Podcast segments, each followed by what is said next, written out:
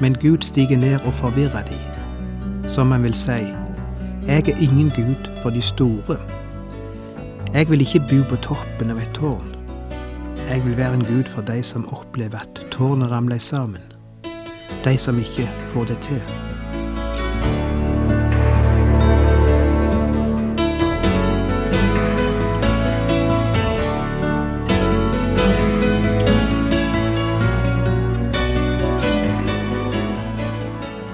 Hjertelig velkommen til et nytt program i serien Vindu mot livet. Vindu mot livet er basert på programserien Insight for Living ved Chuck Svindal. Programmet er produsert av Kristen Riksradio og blir ledet av Ola Bjoland.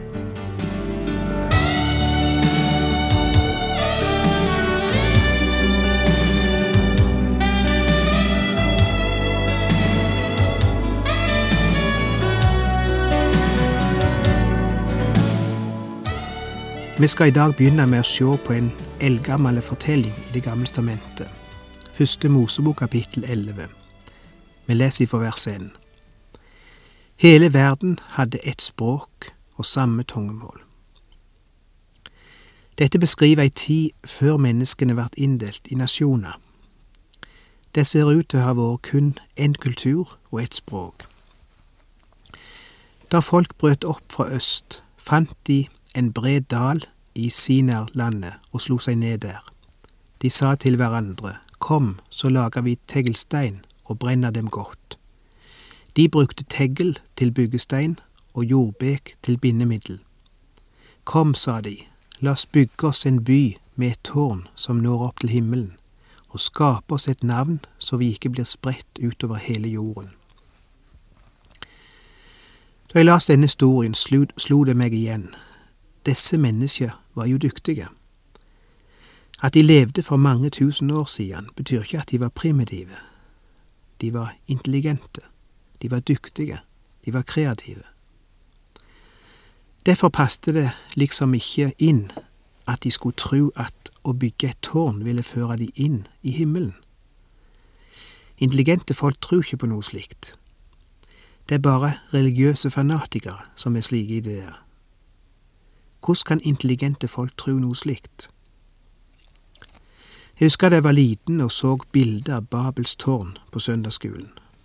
Toppen av tårnet var skjult bak skyene, og jeg fantaserte at der bak skyene, på toppen av tårnet, var himmelen.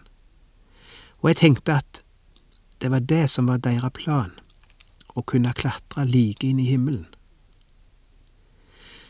Men ærlig talt, jeg tror ikke det var det som var planen.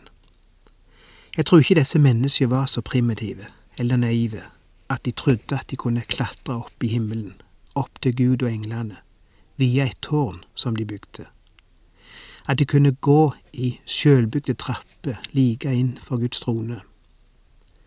Så derfor tok jeg meg litt tid til å grave i disse versene.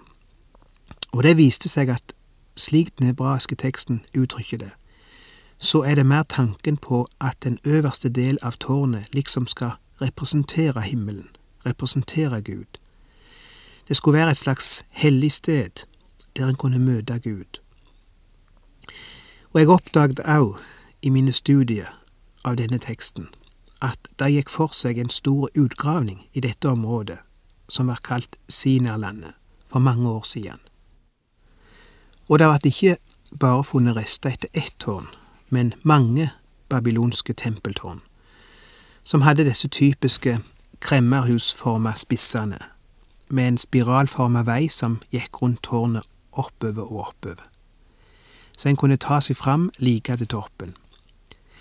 Og et av tårnene i denne byen var vesentlig større enn de andre, og i øverste del av dette tårnet fant de tegn etter den såkalte dyrekretsen, du vet disse tegnene, tegnene som vi kjenner ifra ukeblad og lignende, som symboliserer de tolv delene av et år, slik som for eksempel tyren og væren og krepsen og jomfruen og alt det der.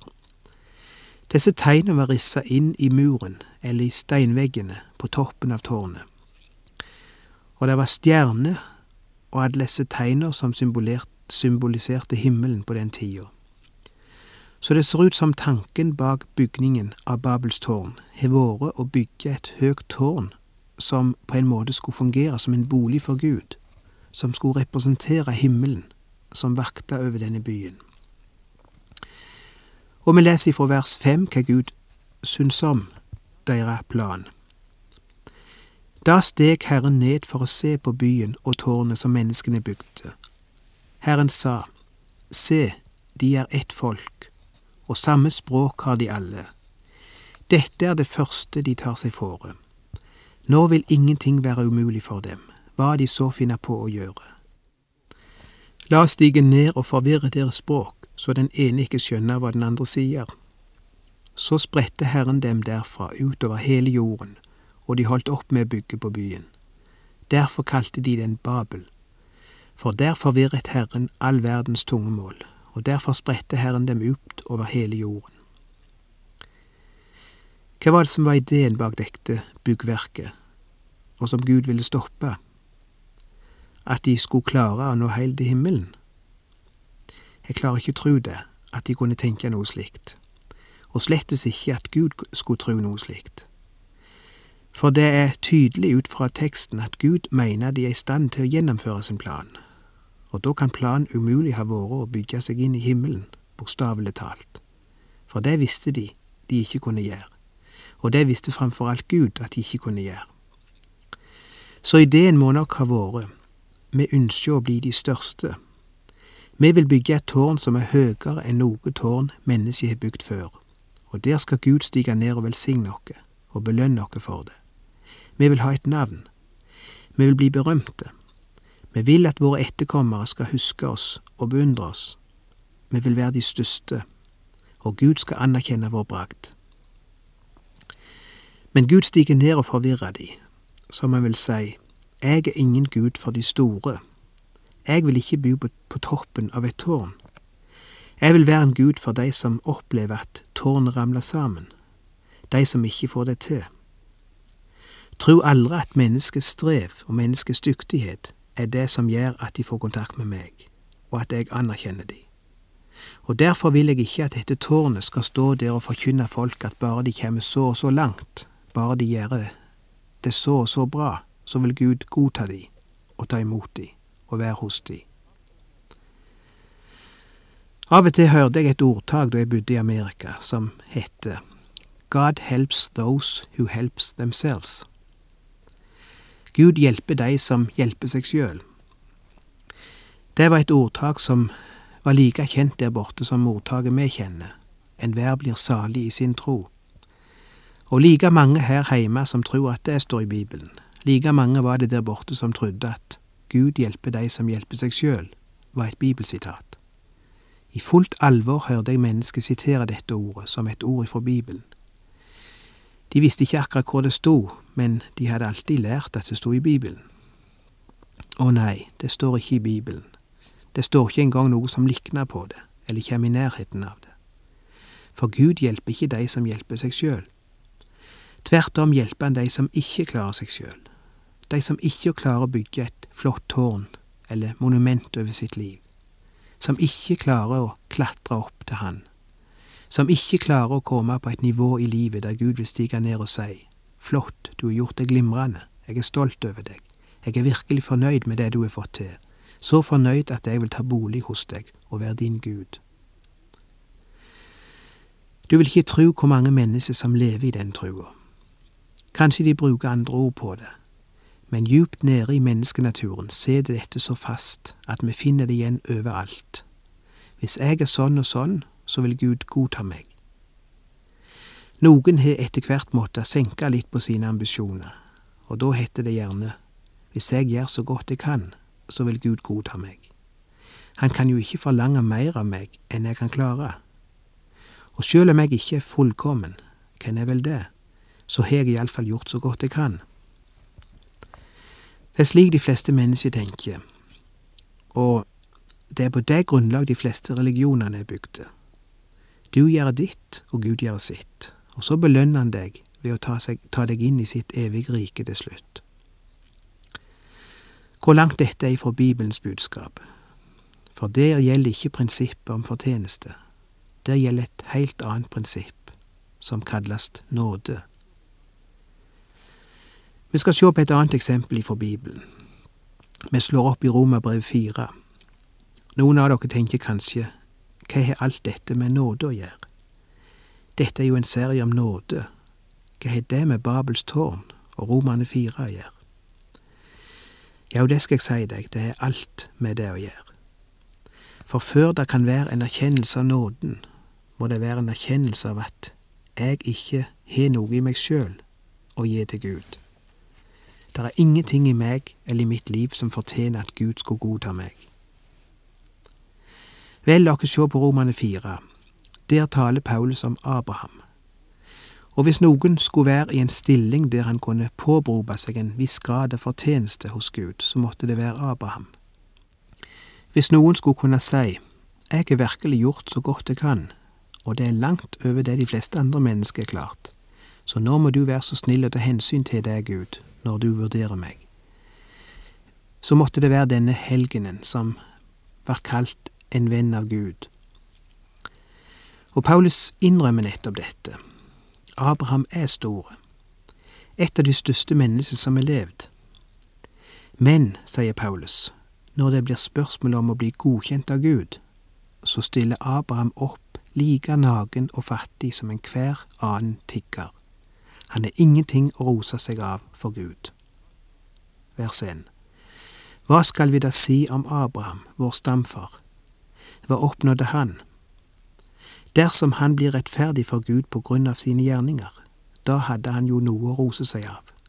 Men for Gud hadde han ikke det. Du ser, det er slike lover som gjelder her på jorda. Vi blir rettferdiggjort ved gjerninger. Visst gjør vi det. Det er det vi gjør, det er det vi oppnår, det er det vi bidrar med, som avgjør hvilken posisjon og hvilket rykte vi skal få her på jord.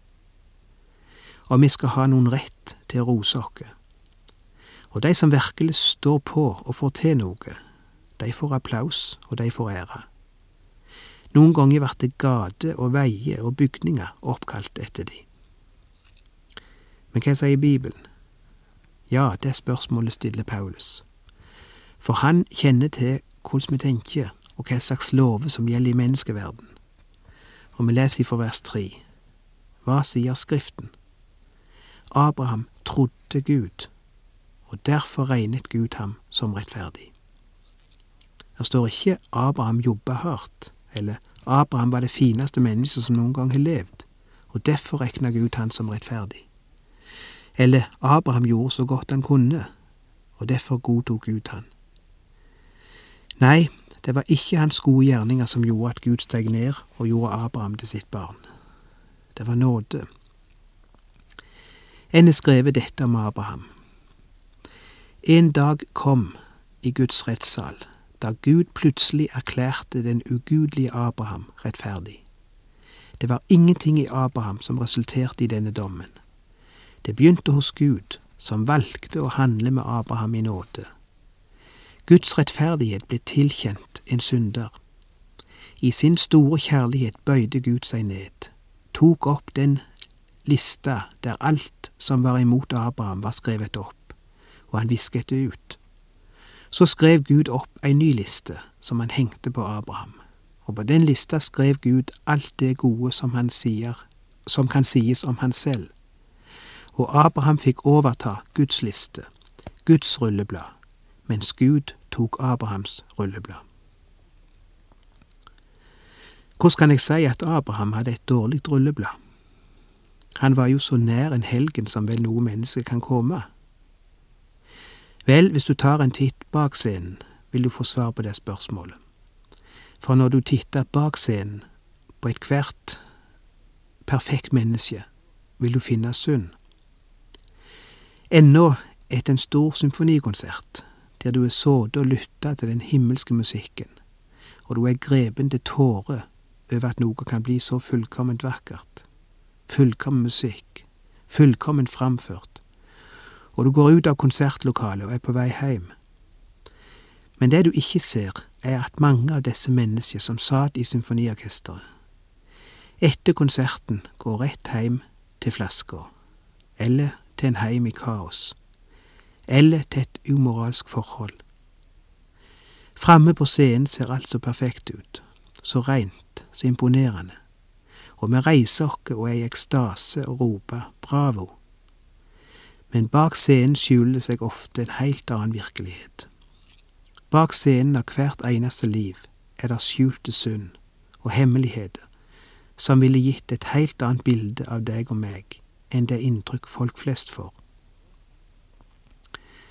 Og det var sannheten òg om Abraham. Abraham hadde en bakgrunn som avgudsdyrker, ifølge Josfa 24. Han vokste opp i hedenskap.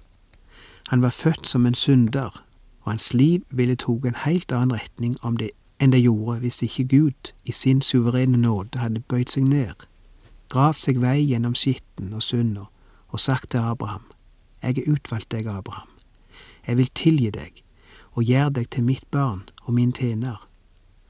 Aksepterer du mitt tilbud?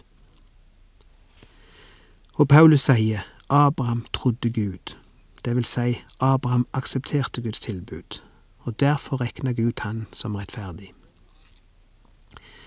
Og ennå Abraham fortsatt gjorde store feil, falt i djupe synder, valgte feil, kom på avstand, fjuska og fanta, og alt dette som vi leser om når vi studerer biografien om han, så rekna Gud han hele tida, hele denne tida, som rettferdig, fordi Abraham tross alt trodde Gud og aksepterte hans tilbud.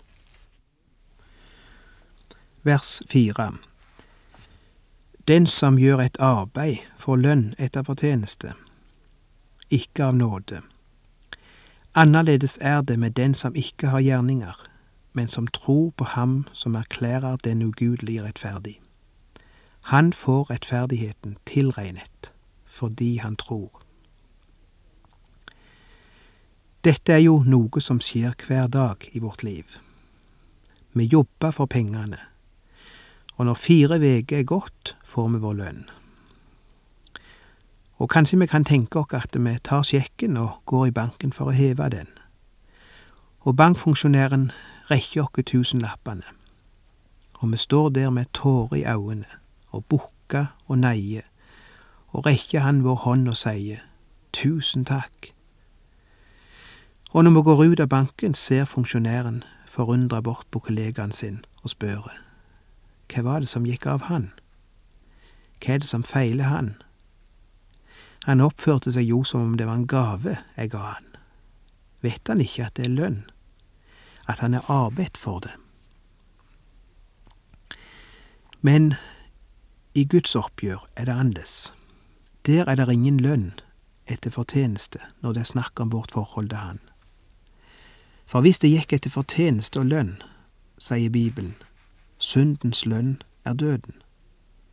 Da vil det ikke være mye håp for deg og meg. Og jeg lurer på alle disse mennesker som fortsatt lever i den tro at Gud skal godta de en dag, for det de gjorde og for det de var. At Gud skal belønne deres gjerninger og gi de evig liv.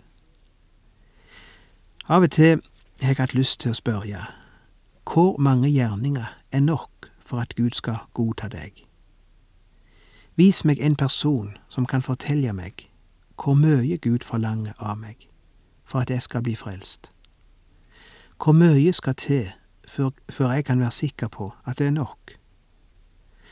Det må jo være en forferdelig risiko å ta, å komme deg ut på dommens dag med sin betaling, når vi ikke engang vet hvor mye det koster. Har du tenkt på det? Du som samler på gode gjerninger for å betale deg inn i himmelen. Har du tenkt på at du kanskje vil ha for lite når du skal betale? at det du har samla deg opp, ikke er nok. Har Gud fortalt deg prisen? Har jeg jobba hardt nok? Har jeg ofra nok? Har jeg bedt nok? Nei, sier Guds ord, du har ikke det. Men Gud har gitt dere en annen vei. Vers 5. Annerledes er det med dem som ikke har gjerninger men som tror på Ham som erklærer den ugudelige rettferdig. Han får rettferdigheten tilregnet fordi han tror. Slik priser også David et menneske salig, når Gud tilregner det rettferdighet uten at det har noen gjerninger. Salige er de som har fått sine overtredelser tilgitt og sine synder skjult. Salig er det menneske som Herren ikke tilregner synd. Tenk, det sa David, mannen etter Guds hjerte. Men David kjente seg sjøl, og han visste at den eneste grunnen til at han fikk kalle seg et Guds barn, både første gangen og etter hvert som livet for ganske hardt med han, var Guds nåde. Det var av nåde, av bare nåde. Det fortjente ikke jeg. Det var av nåde, av bare nåde. Av nåde frelste Jesus meg. Av nåde alt jeg får, hos Gud fra først til sist. Av nåde leges mine sår, av legen Jesus Krist. Av nåde ble mitt navn ført inn i livets bok. Av nåde fikk jeg se Guds lam, som syndebyrden tok. Av nåde går den vei som hjem til himmelen bær. Av nåde Gud vil krone meg, når jeg hans åsyn ser. Jeg ennå har en bønn. Gi nåderike Gud, at mer jeg ligne må din sønn, som festet meg til brud. Nådefulle Gud, synd du sletter ut. Jesus tok all synd som sin, og derfor også min.